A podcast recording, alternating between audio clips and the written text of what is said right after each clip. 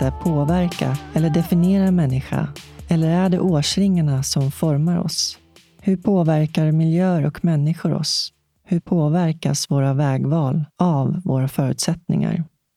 Jag som driver soluret heter Jasmine Nilsson och jag är nyfiken på vad som formar oss till de vi är. I soluret möter jag människor från alla samhällsskikt och med varje livshistoria belyses olika ämnen. Välkommen till avsnitt 98. Den 4 november firar soluret det hundrade jubileumsavsnittet med en livepodd på Dieselverkstan tillsammans med er lyssnare och tidigare poddgäster. På scen får ni bland andra möta Sveriges bluesdrottning Louise Hofsten. Det blir en kväll med djupa samtal i sann soluret-anda och musikframträdanden. Biljetter finns på ticketmaster.se. Jubileet arrangeras i samarbete med min huvudsamarbetspartner, det internationella hjälpmedelsföretaget Invacare. Varmt välkomna! Idag får ni möta Maria Larsson. Maria var nästan färdigutbildad gymnasielärare när olyckan som förändrade livet inträffade. Det var vid nationaldagsfirandet som sällskapet skulle tävla i stövelkastning. Maria fick till ett bra stövelkast. Samtidigt stöp hon framåt och bröt nacken. Det ledde till att hon blev förlamad från halsen och ner. Här kommer Maria. Ska vi köra igång? Mm. Okej. Då säger jag välkommen till soluret, Maria. Tack. och nu är vi på Mörby hotell mm. här vid Danderyd. Ja, nu när jag är här i Danderyd så då brukar jag ha läkarbesök och eh, de tittar över min trakeostomi. Och, okay. Så att det fungerar ordentligt så att jag kan andas och syresätta mig rätt och sådär. Och det är ju det enda stället som finns i hela Sverige som är specialiserade på det. Du har en respirator som hjälper mm. dig att andas och det är mm. det man kan höra lite i bakgrunden mm. också. Det är lite ett pysljud. Mm. Hur mår du? Jag mår bra. Skönt att höra. Jag är så glad att vi har fått till det här nu för vi har haft ja. kontakt länge och tänkt ja. att vi ska Träffas, podda. Ja. Och... Mm. Det har ju varit en liten pandemi. Och... Ja men verkligen.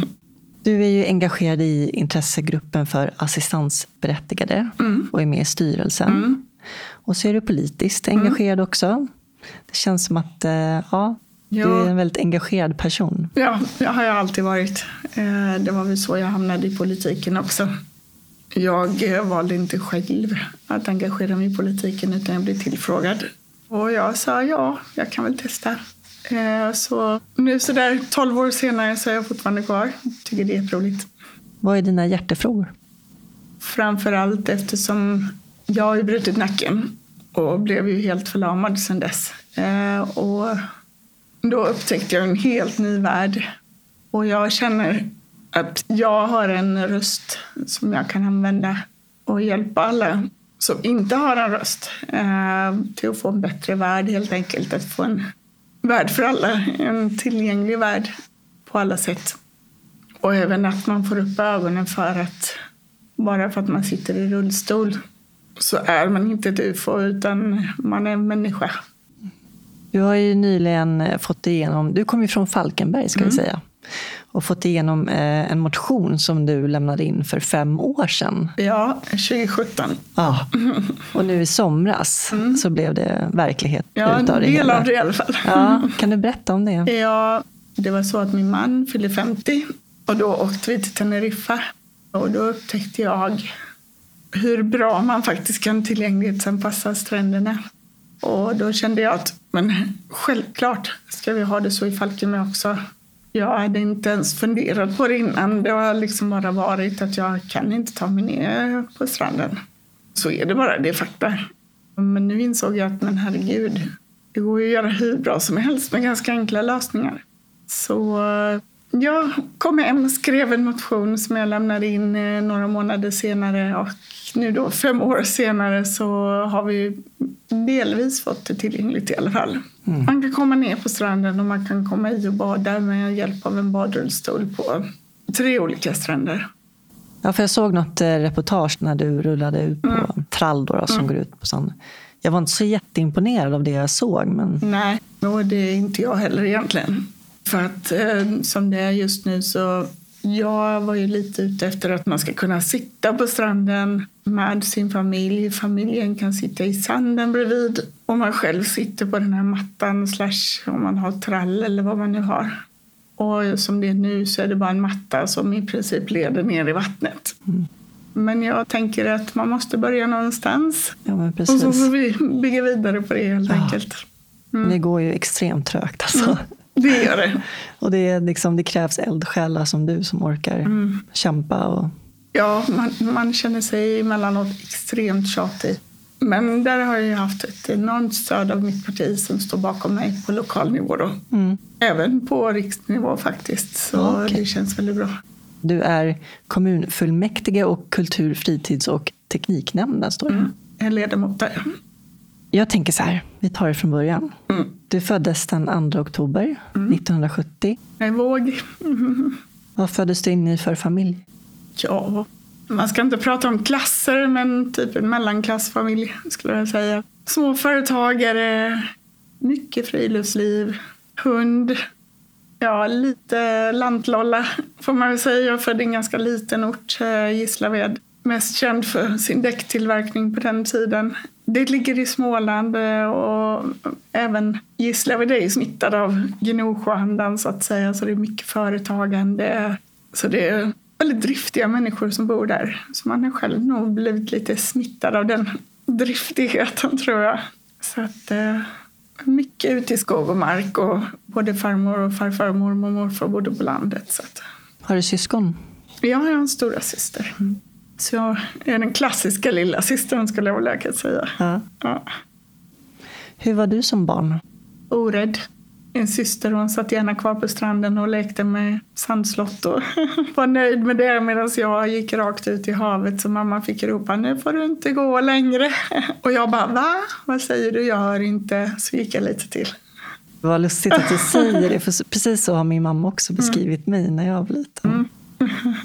Ja, men det är speciellt också att vara en sån orädd människa. Mm. Man uppnår ju mycket med det också. Det gör man. Utmanar sig själv.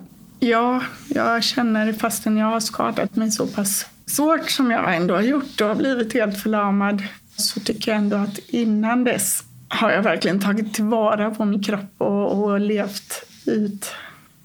Det tycker jag.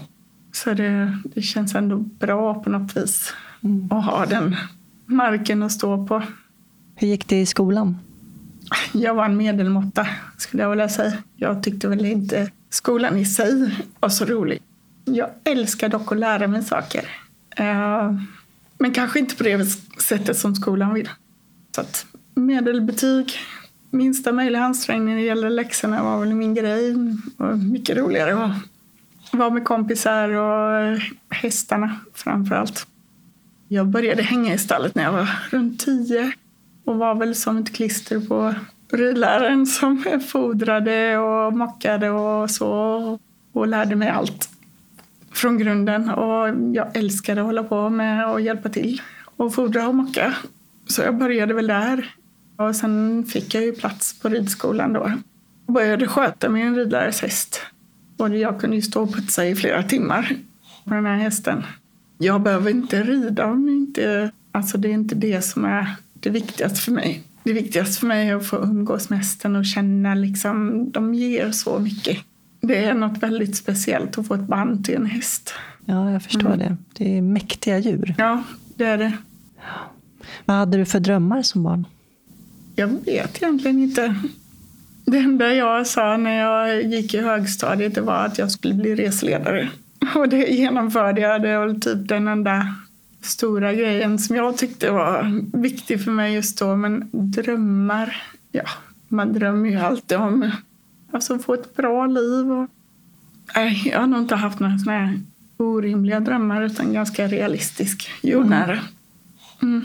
Och det känns som att resandet var något som du ja, intresserade dig Ja, älskar att resa. Det är roligt. Vad var din första resa? Min allra första resa gjorde jag när jag var åtta år, eh, om man säger utomlands. Vi var mycket och reste runt om man säger, i Sverige och Norden när jag var liten. Men eh, den som jag minns tydligast var när jag var åtta år och vi flög ner till Italien, Rimini. Det var ju stort för mig. Det sitter fortfarande kvar i hjärtat, den resan. Och jag älskar fortfarande Italien. Mm. Ja, det är underbart. Mm. Jag kommer också ihåg det. Jag fick ynnesten att få resa mycket som liten. Och, mm. Eh, ja, det, det gör mycket med en att få perspektiv på det sättet. Precis, ta del av andra kulturer. Det formar en på många ja, sätt. Och man får en ödmjukhet tror jag. Ja. Gentemot andra människor. Ja, definitivt. Mm. Vad gick du för gymnasium? Jag gick i Gislaved och jag läste humanistisk. Jag var ju som sagt var en medelmåtta i skolan och så när jag gick till syokonsulenten i nian och eh, skulle få lite rådgivning inför gymnasievalet så säger hon att humanistisk, det klarar du aldrig. Ja, men jag tycker språk är så roligt. Nej, men det klarar du aldrig. Det, du får tänka om. Ja, så jag sökte in till ekonomisk linje. Okej. Okay. Kom in på ekonomisk linje. Jag började läsa på ekonomisk linje, men jag hamnade i halvklass med humanisterna. Så efter två månader så bytte jag till humanistisk. Okay. Och jag klarade det galant. Så det var inga problem. Jag förstår. Mm. Men sen eh, pluggade du ändå vidare och du bestämde mm. dig för att bli lärare. Mm. Hur kom det sig? Som jag sa så ville jag bli resledare och blev det. Mm. Och jobbade med det i fyra år och under tiden som jag jobbade som reseledare så läste jag ju på hela tiden. Jag ville veta mer och mer om resmålen och öka kunskapen hela tiden och så kände man att man på något vis vill förmedla det vidare. Eh, det gör man ju i bussen också. Förmedlar kunskap vidare till sina resenärer. Så fick jag prova på och ha en eh, fyra. Och jag tyckte det var väldigt roligt.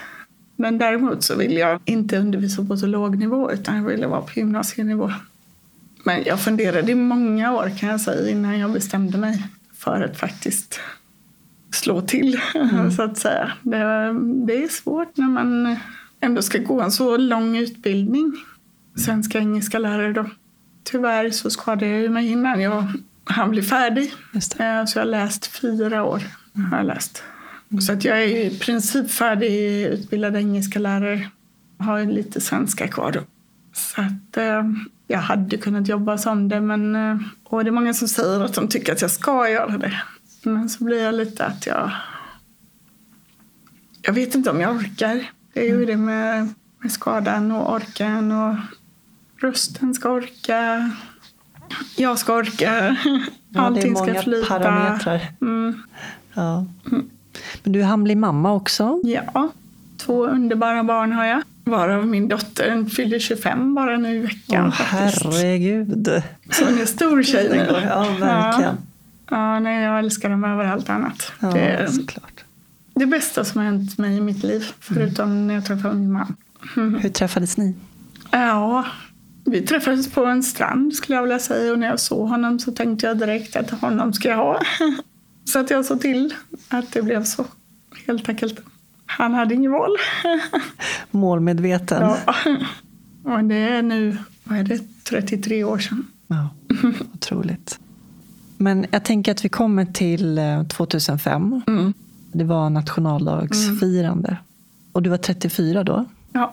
Och dina barn var sju och fem år gamla. Mm. Berätta vad som hände.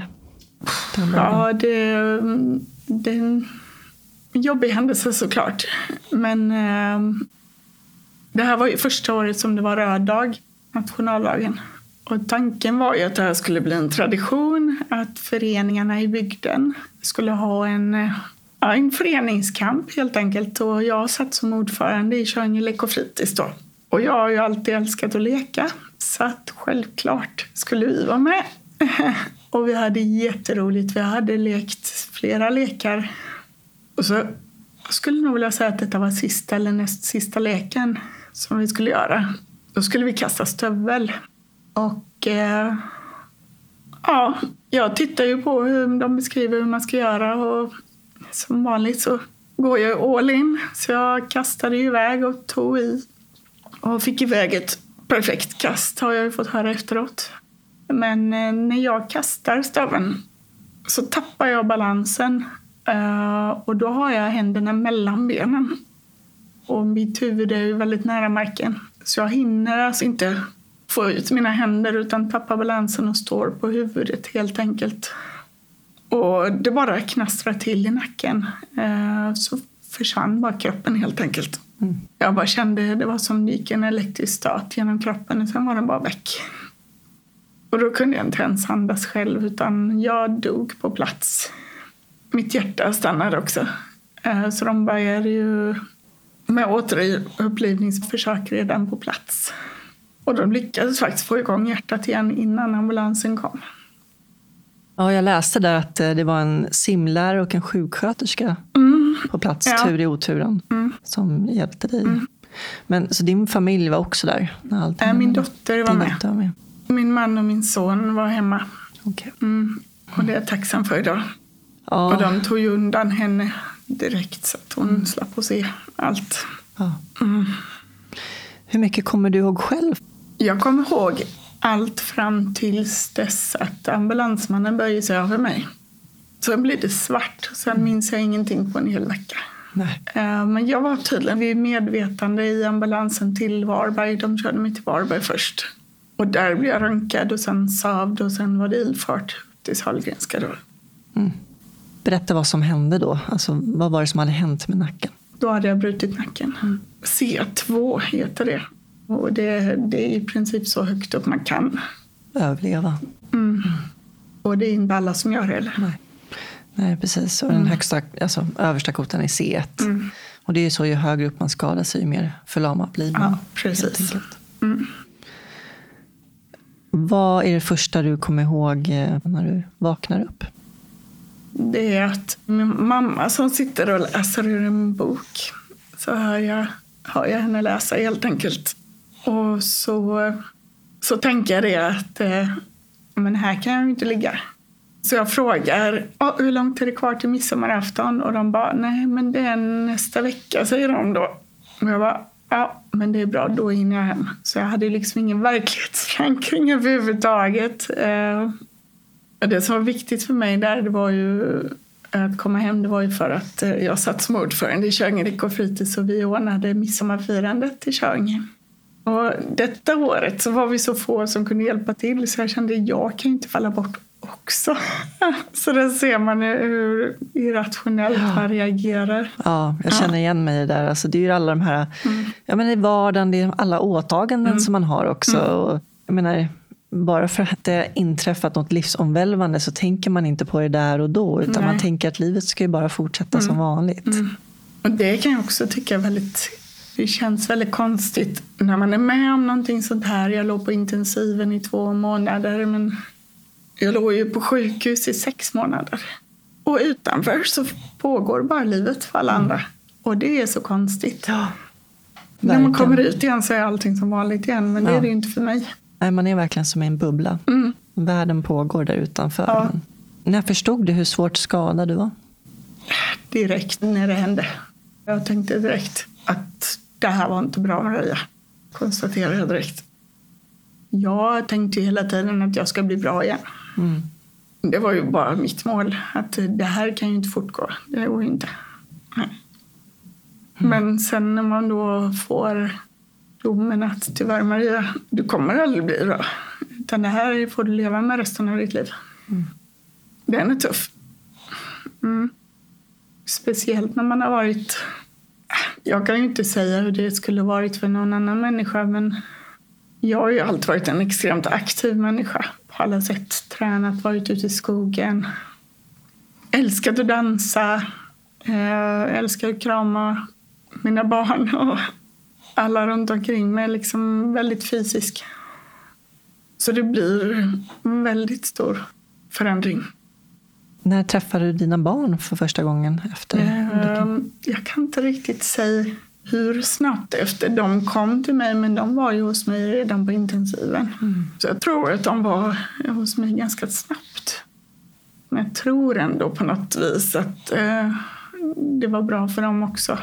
Uh, för de fick ändå se att jag levde, mm. uh, att jag fanns där. Visst, det var en helt annan mamma men sen när jag började minnas mer så minns jag att de var där ungefär en gång i veckan. Och det var en plåga att inte få träffa dem mer när man har varit med sina barn alltid, alltid. Mm. Mm. Ja, det förstår jag verkligen. Mm. Ja, det är, det är helt otroligt egentligen att man kan överleva också den här typen mm. av skada. För som mm. sagt, men du är förlamad från halsen och ner mm. och eh, måste använda respirator. Ja, jag andas inte ens själv. I början det var jättejobbigt att ge sig ut bland människor. Det är många som tittar och ja, många som tittar på en med tycka synd om ögon om man säger så. Och det känner jag, gör inte det snälla. Det är jättejobbigt när man gör det. För jag, som idag, har jag ändå hämtat mig så pass mycket så jag tar för mig. Försöker ta plats och jag vill bli behandlad helst som alla andra.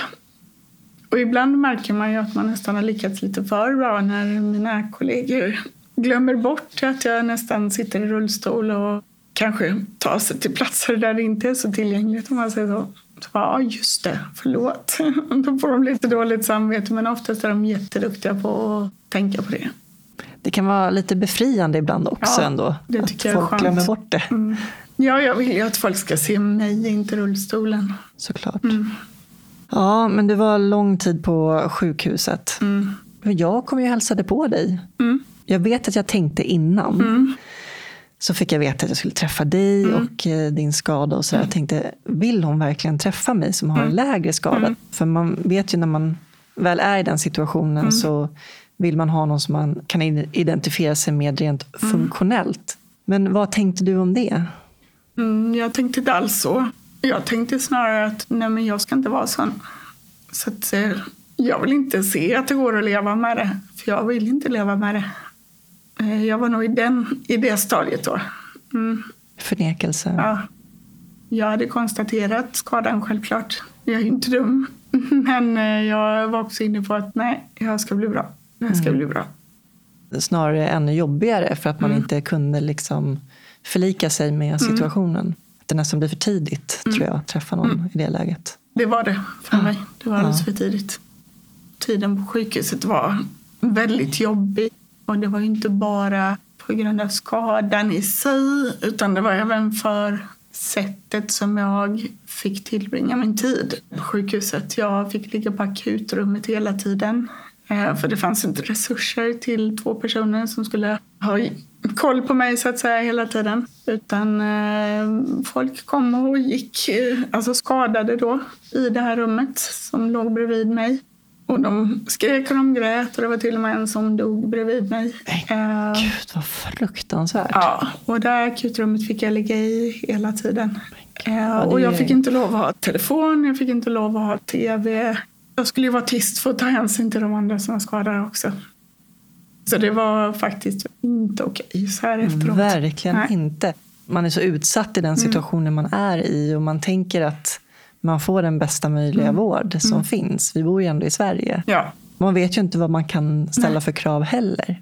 Nej, alla andra fick ju hamna i egna rum eller i ett rum tillsammans med någon annan som hade liknande skada. Och de hade tv, de satt och spelade ja. spel och de var ute på stan och övade på att köra rulle. Jag fick aldrig komma ut på stan för det fanns aldrig personal. Alltså två personal för att kunna ta med mig ut. Så när hela avdelningen försvann så var jag kvar. Men gud vad hemskt. Det hjälper ju inte till med den själsliga läkningen direkt. Det gör det verkligen inte. Då känner man sig verkligen värdelös skulle ja. jag vilja säga. Att man är ju inte... Man klassas bara som ett kolli i princip. Ja. Att man kan inte göra någonting. Nej. Men så är det ju inte. Och jag blir ju lite enveten där. För då, på ett sätt har det ju varit en sporre. För då vill jag ju bevisa dubbelt upp att det går visst. Men det är ju inte alla som funkar som jag. Jag har faktiskt inte varit och kollat hur det fungerar idag. Nej. Men det var inte bra då. Nej. Alltså jag kommer ihåg, eh, jag låg ju en tid på intensiven och jag mm. kommer ihåg precis som du, de här patienterna runt omkring mm. och någon skrek och någon eh, mm. höll på att dö och mm. allt vad det var. Men jag menar som i din situation där att inte, familjen kan ju inte komma och hälsa på dig hur som helst heller. Nej, de, de fick ju inte vara inne i det rummet. Utan jag fick ju ta mig ut till ett av uppehållsrummen.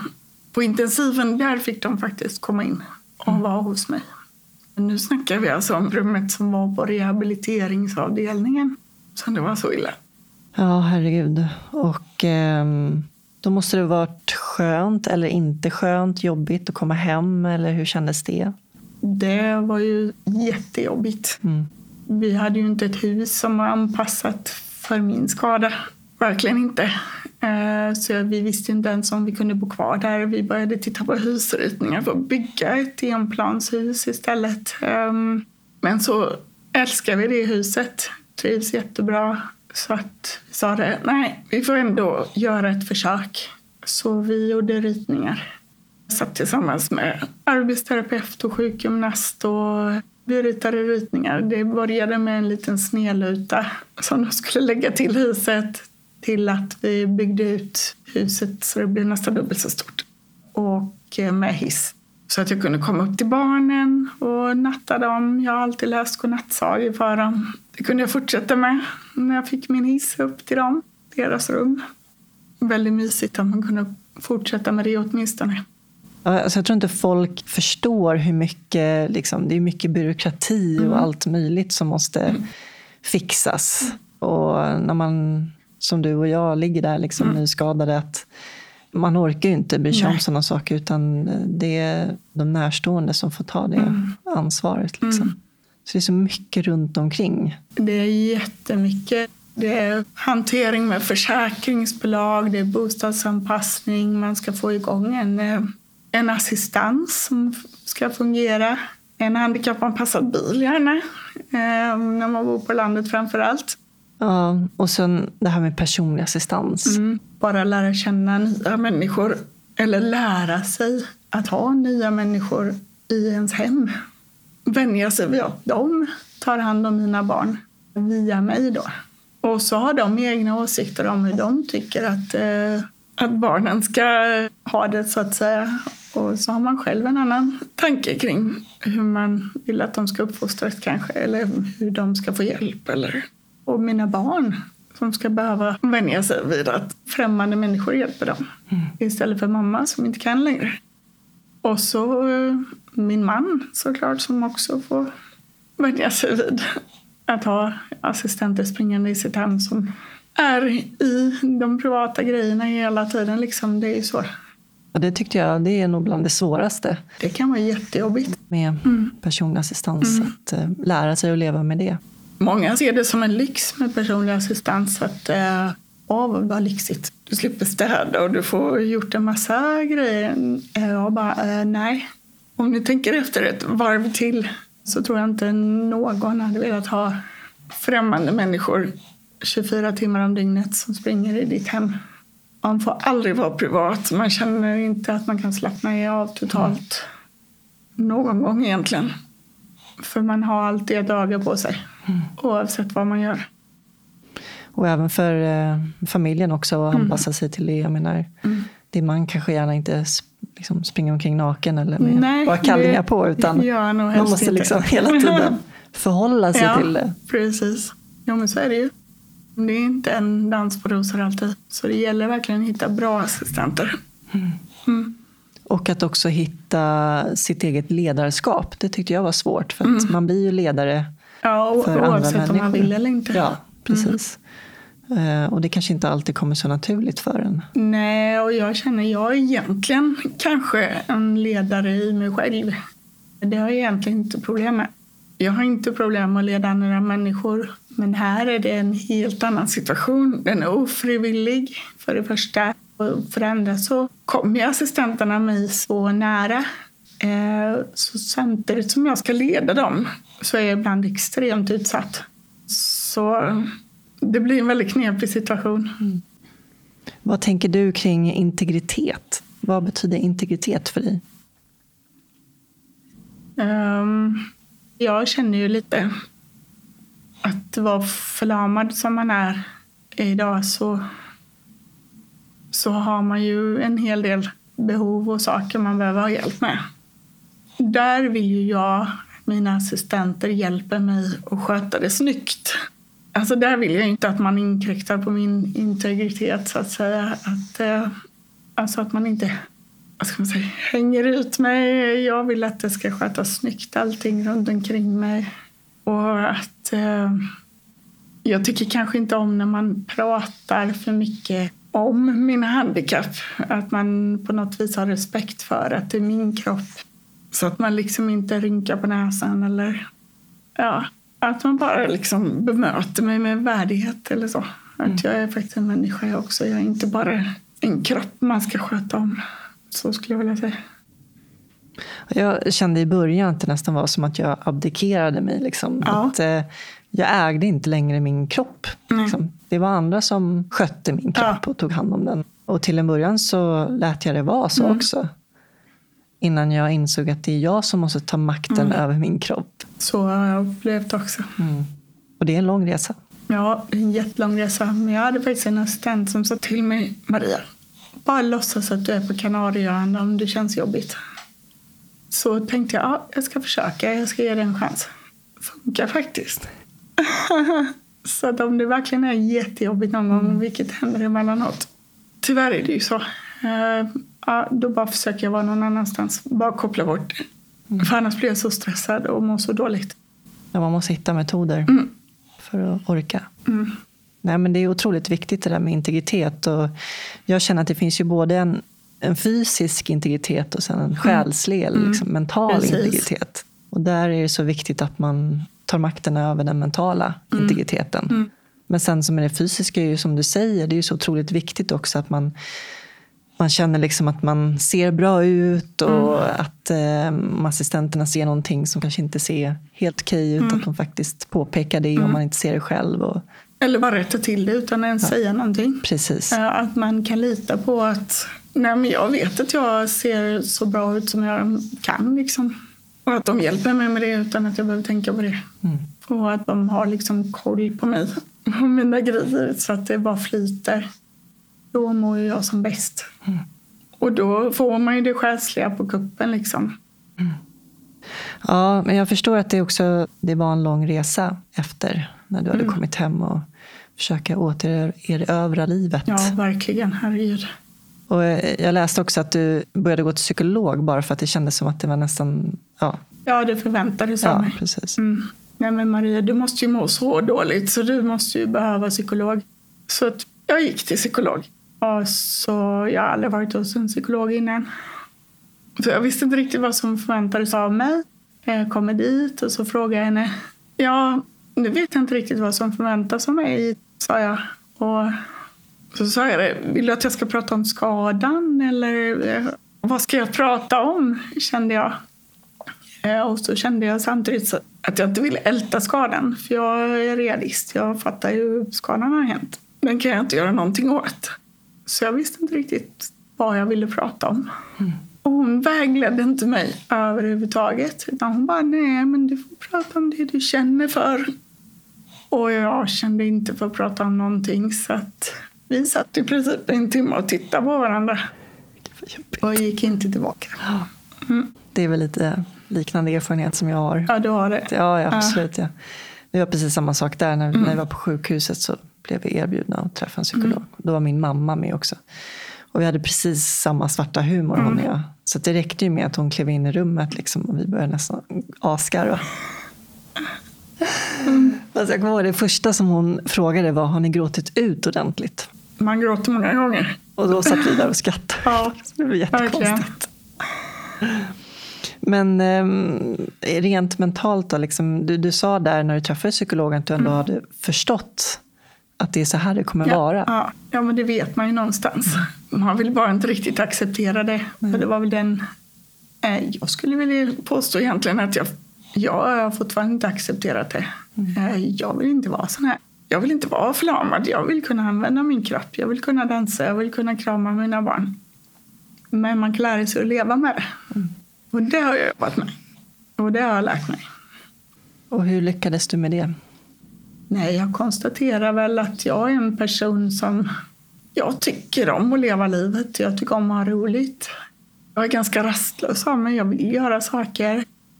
Så jag kände att ja, antingen kan jag välja att sitta på kammaren och deppa ihop eller så tar jag tag i mig själv och gör någonting. Och eftersom att jag tycker det är väldigt tråkigt att sitta på kammaren och deppa ihop så var ju inte det ett alternativ. Det låter ju jätteenkelt men så är det verkligen inte. Det är en jättelång resa att komma Ja, dit här. Mm.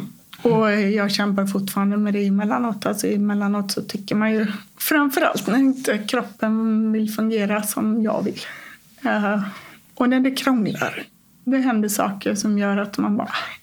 Det, oh, man blir trött. Man vill bara att det ska flyta. Mm. Nu tar vi en kort paus och ringer upp min samarbetspartner Invacare.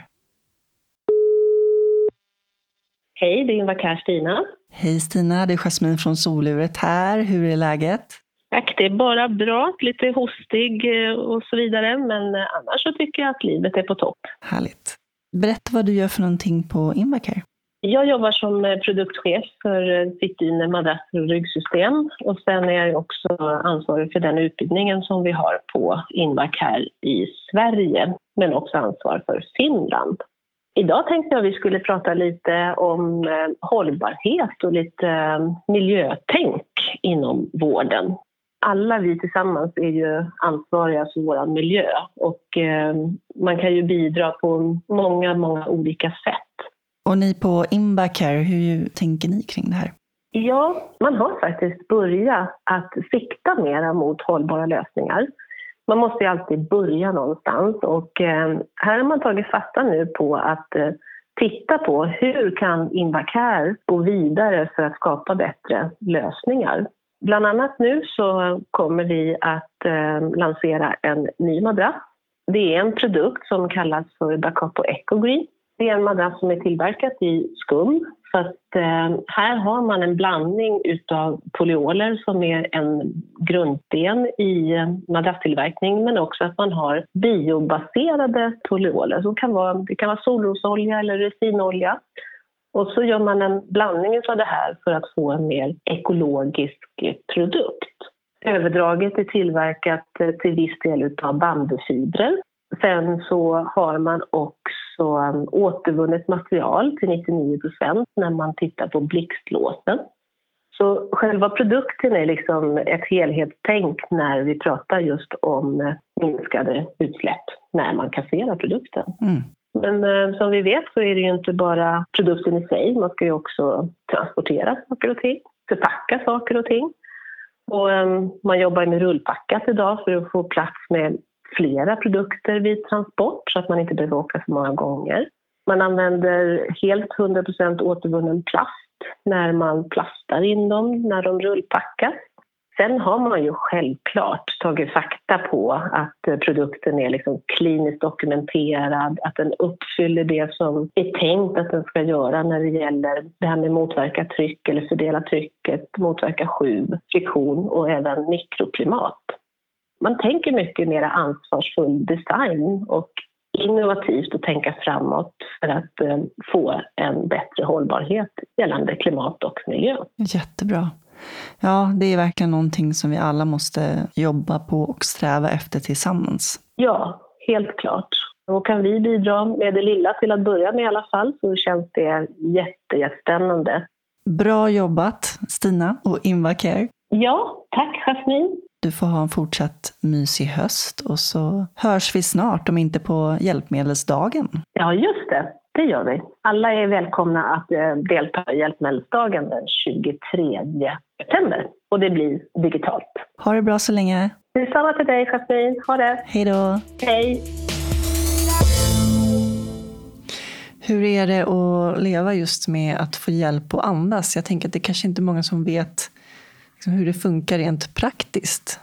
Jag menar, du har ju en eh, respirator som sitter mm. fast på rullstolen. Mm. Och den, går den på batteri? Ja, det gör den. Så att jag har åtta timmar på mig att andas innan den måste laddas. Så då gäller det att hitta en kontakt i väggen.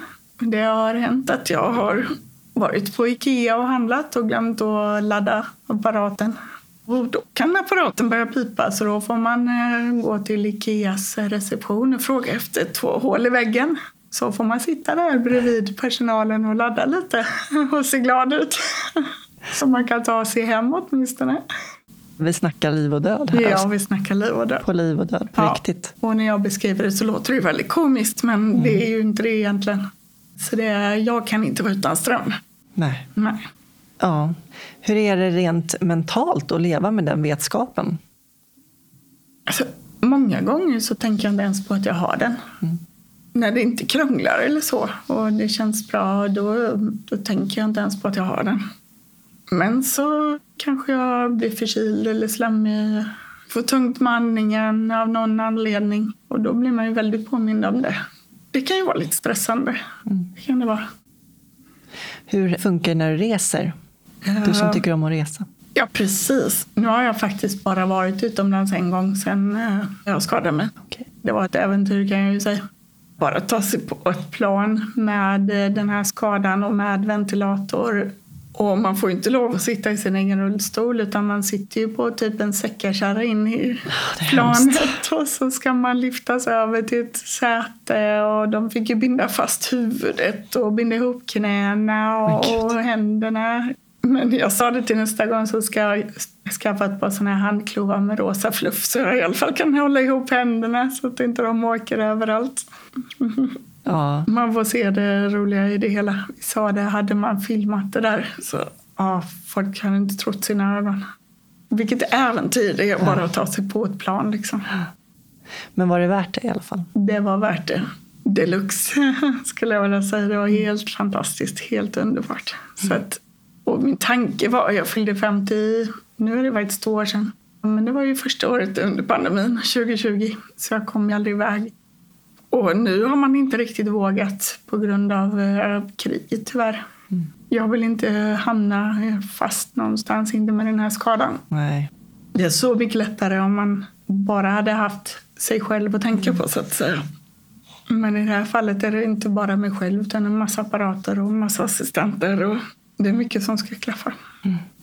Någonting som jag kände var viktigt för mig, det var att hävda att jag fortfarande var samma Jasmin som jag alltid har varit. Att det fanns liksom en kärna som är densamma. För jag, jag upplevde det som att många trodde att ja, när man har genomgått en sån livsförändring så blir man helt plötsligt jättevis och, och kan så mycket om livet. Och man har blivit en helt annan människa. Och det provocerade mig för att jag ville hävda att nej, men jag är fortfarande samma människa som jag var innan. Men med fler erfarenheter. Hur tänkte du kring, kring det? Jag får nog hålla med dig. Eh, Jag har jobbat mycket på den biten. Att ta tillbaka mitt liv. Eh, Jag har känt lite att bara för att jag har brutit nacken och blivit helt förlamad så behöver jag inte bara bli bästis med alla som sitter i rullstol. Så är det ju inte. Utan jag ju fortfarande mina vänner, jag har min familj och har mitt liv runt omkring. Så det var jätteviktigt för mig att verkligen ta tillbaka mitt liv. Och det tycker jag ändå att jag har gjort. Och jag tror att de flesta tycker att jag är typ samma människa i alla fall. Så det är med samma dåliga humor. Jag tänker på din relation med din man. Det blir ju enormt påfrestande Ja. när det händer något sånt här. Hur lyckades ni hålla gnistan vid liv? Oj. ehm, antagligen i den grundtryggheten vi hade från början. Helt enkelt. Men det har inte varit en dans på rosor. Det har det verkligen inte. Vi har fått kämpa. Men det som jag brukar säga också, det är ju så i alla förhållanden att emellanåt så vill man sälja dem på Blocket och emellanåt så är de högst upp på piedestalen. Liksom. Så är det. Men i grund och botten så eh, om man tänker ett varv till, gräset är inte grönare på andra sidan och kärleken finns kvar där. Mm. Det är fint. Att när kärleken ändå är så pass stark att den klarar av såna här motgångar. Ja. Du nämnde här kring eh, om du skulle fortsätta som lärare att det, det är ganska tufft ändå att eh, leva med den typen av skada som du har och eh, jobba som lärare. Hur var det att ställa om sig kring sysselsättning? Och, Alltså, direkt efter skadan så var mitt mål att läsa färdigt. Eh, och jag tog kontakt med högskolan och det var ju tanken att jag skulle börja eh, läsa igen. Men jag insåg att man läser ju på ett visst sätt. Eh, man bläddrar i bladen, man stryker under, antecknar och, och där har jag ju ett stort problem om man säger så. Jag eh, kan ju bara använda munnen. Jag styr datorn med hjälp av munnen, eh, vilket jag visserligen är väldigt bra på. Men eh, Jag hade helt enkelt inte orken då. Mm. Även om jag var väldigt inriktad på att jag skulle läsa vidare så någonstans så insåg jag ju att jag måste nog ändå ta tag i mig själv och komma vidare med mig själv först. Sen fick jag frågan om att engagera mig politiskt. Och då blev det det spåret istället helt enkelt. Mm. mm. Så otroligt viktigt att ha någon som du också i den, mm. den positionen. Mm. Men jag kommer ihåg att de eh, pratade om att 2010 skulle vara, Sverige vara helt tillgängligt. Ja, det är ju ett skämt. Uh, vi tycker ju här i Sverige att vi är väldigt tillgängliga, men det är vi definitivt inte. Vi är faktiskt riktigt dåliga på det i Sverige, skulle jag vilja säga. Och det har jag blivit påmind om många gånger när jag ja. varit utomlands. Ja, verkligen. Spanien är extremt duktiga på det. Mm. Men det är ju mycket så också att de städerna som har haft Paralympics mm. har ju blivit lite tvungna ja, ja precis. att klart. anpassa städerna ja. liksom, för att det ska se bra mm. ut utåt sett också. Saltsjöbanan som är närmaste för att åka kommunalt från där jag bor.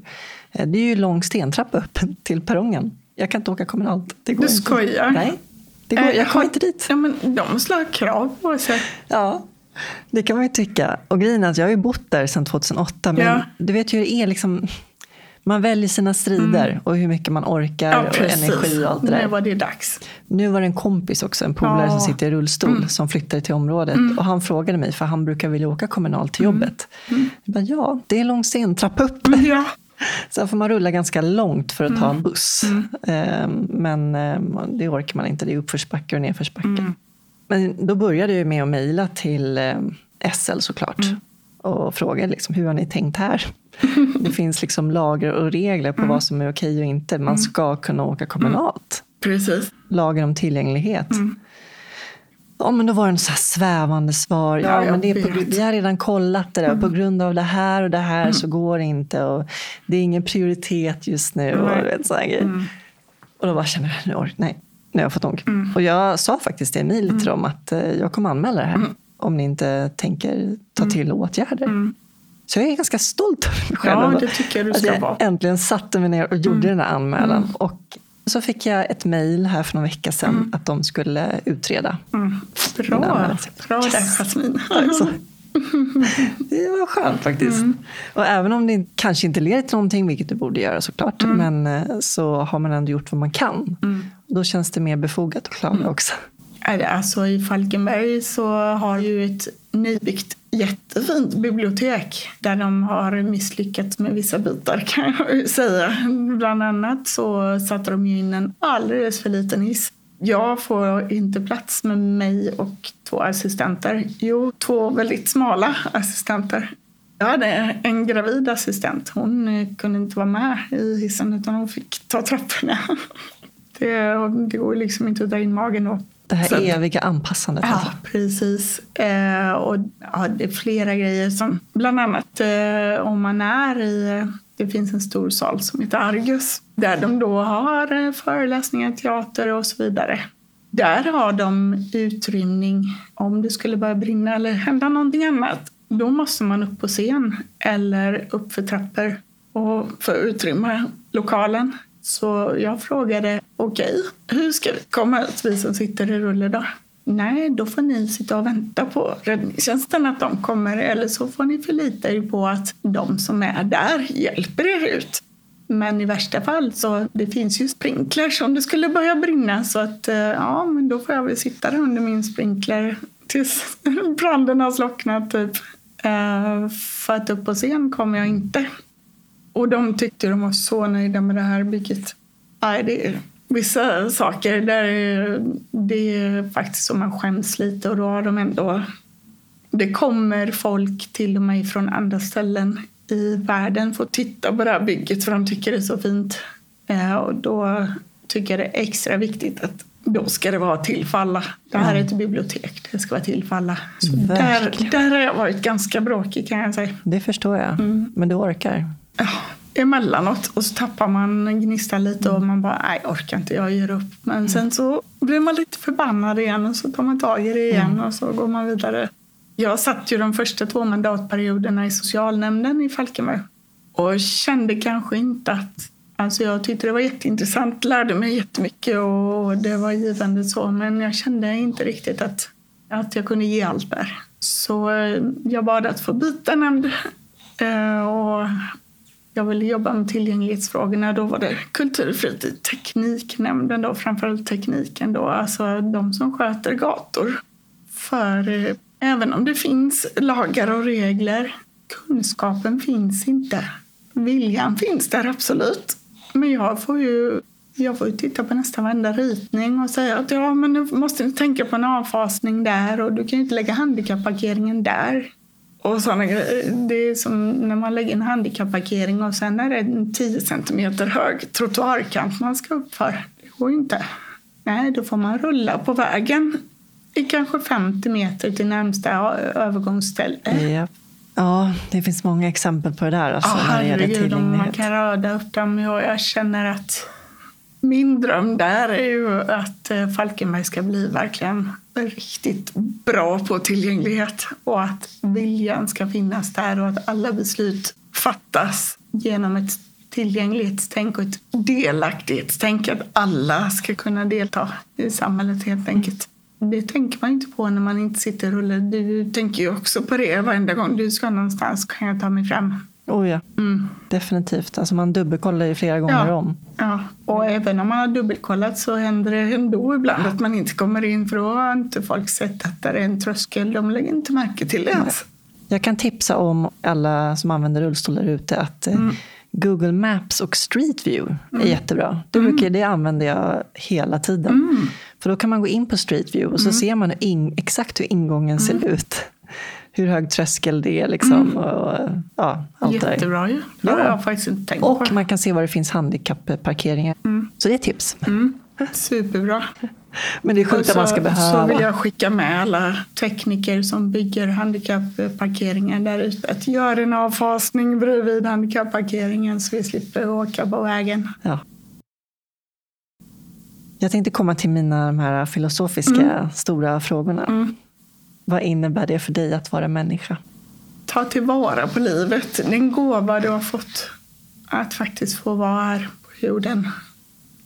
Och ehm, jag kan bli tokig på den här åldersnöjan många har.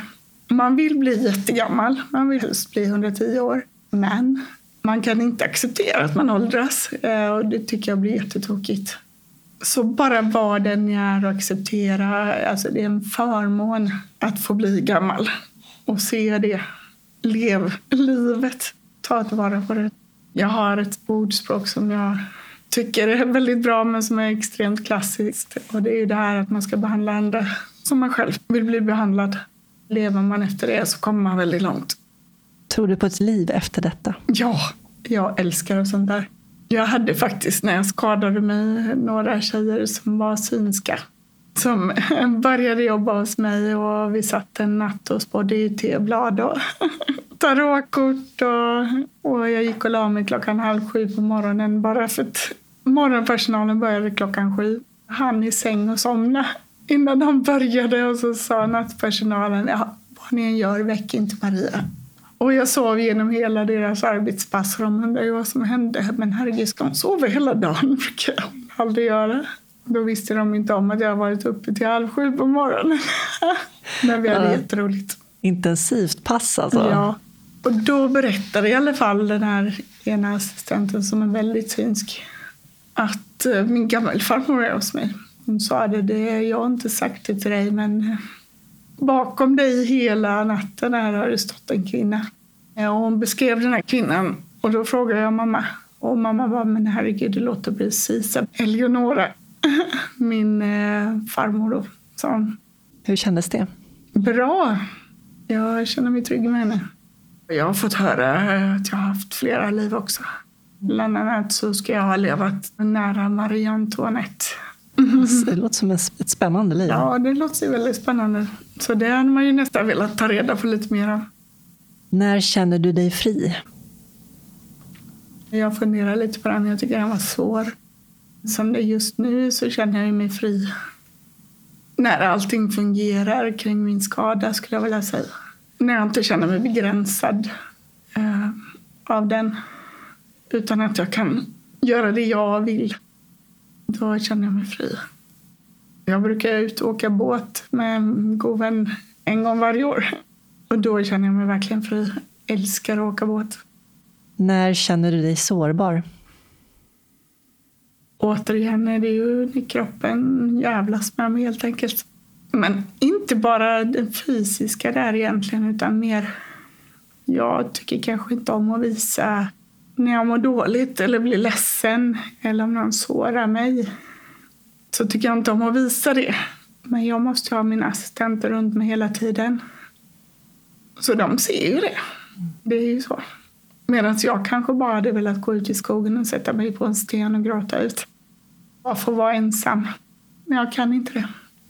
Jag får aldrig vara ensam. Nej. Ja, det, ja. det är ett mindset, tänker jag, att man måste verkligen mentalt ställa in sig på det mm. för att orka. Där är ju min dator lite en, en flyktväg många gånger eftersom att jag... Eh, där kan jag ju sitta själv. Den mm. kan jag sköta själv. Mm. Då har du kontroll? Ja, precis. Men eh, samtidigt så någon av mina assistenter måste alltid vara inom hörhåll. Alltid, alltid. Mm. Och jag kan nog känna ibland att jag har ett enormt behov av att få vara ensam.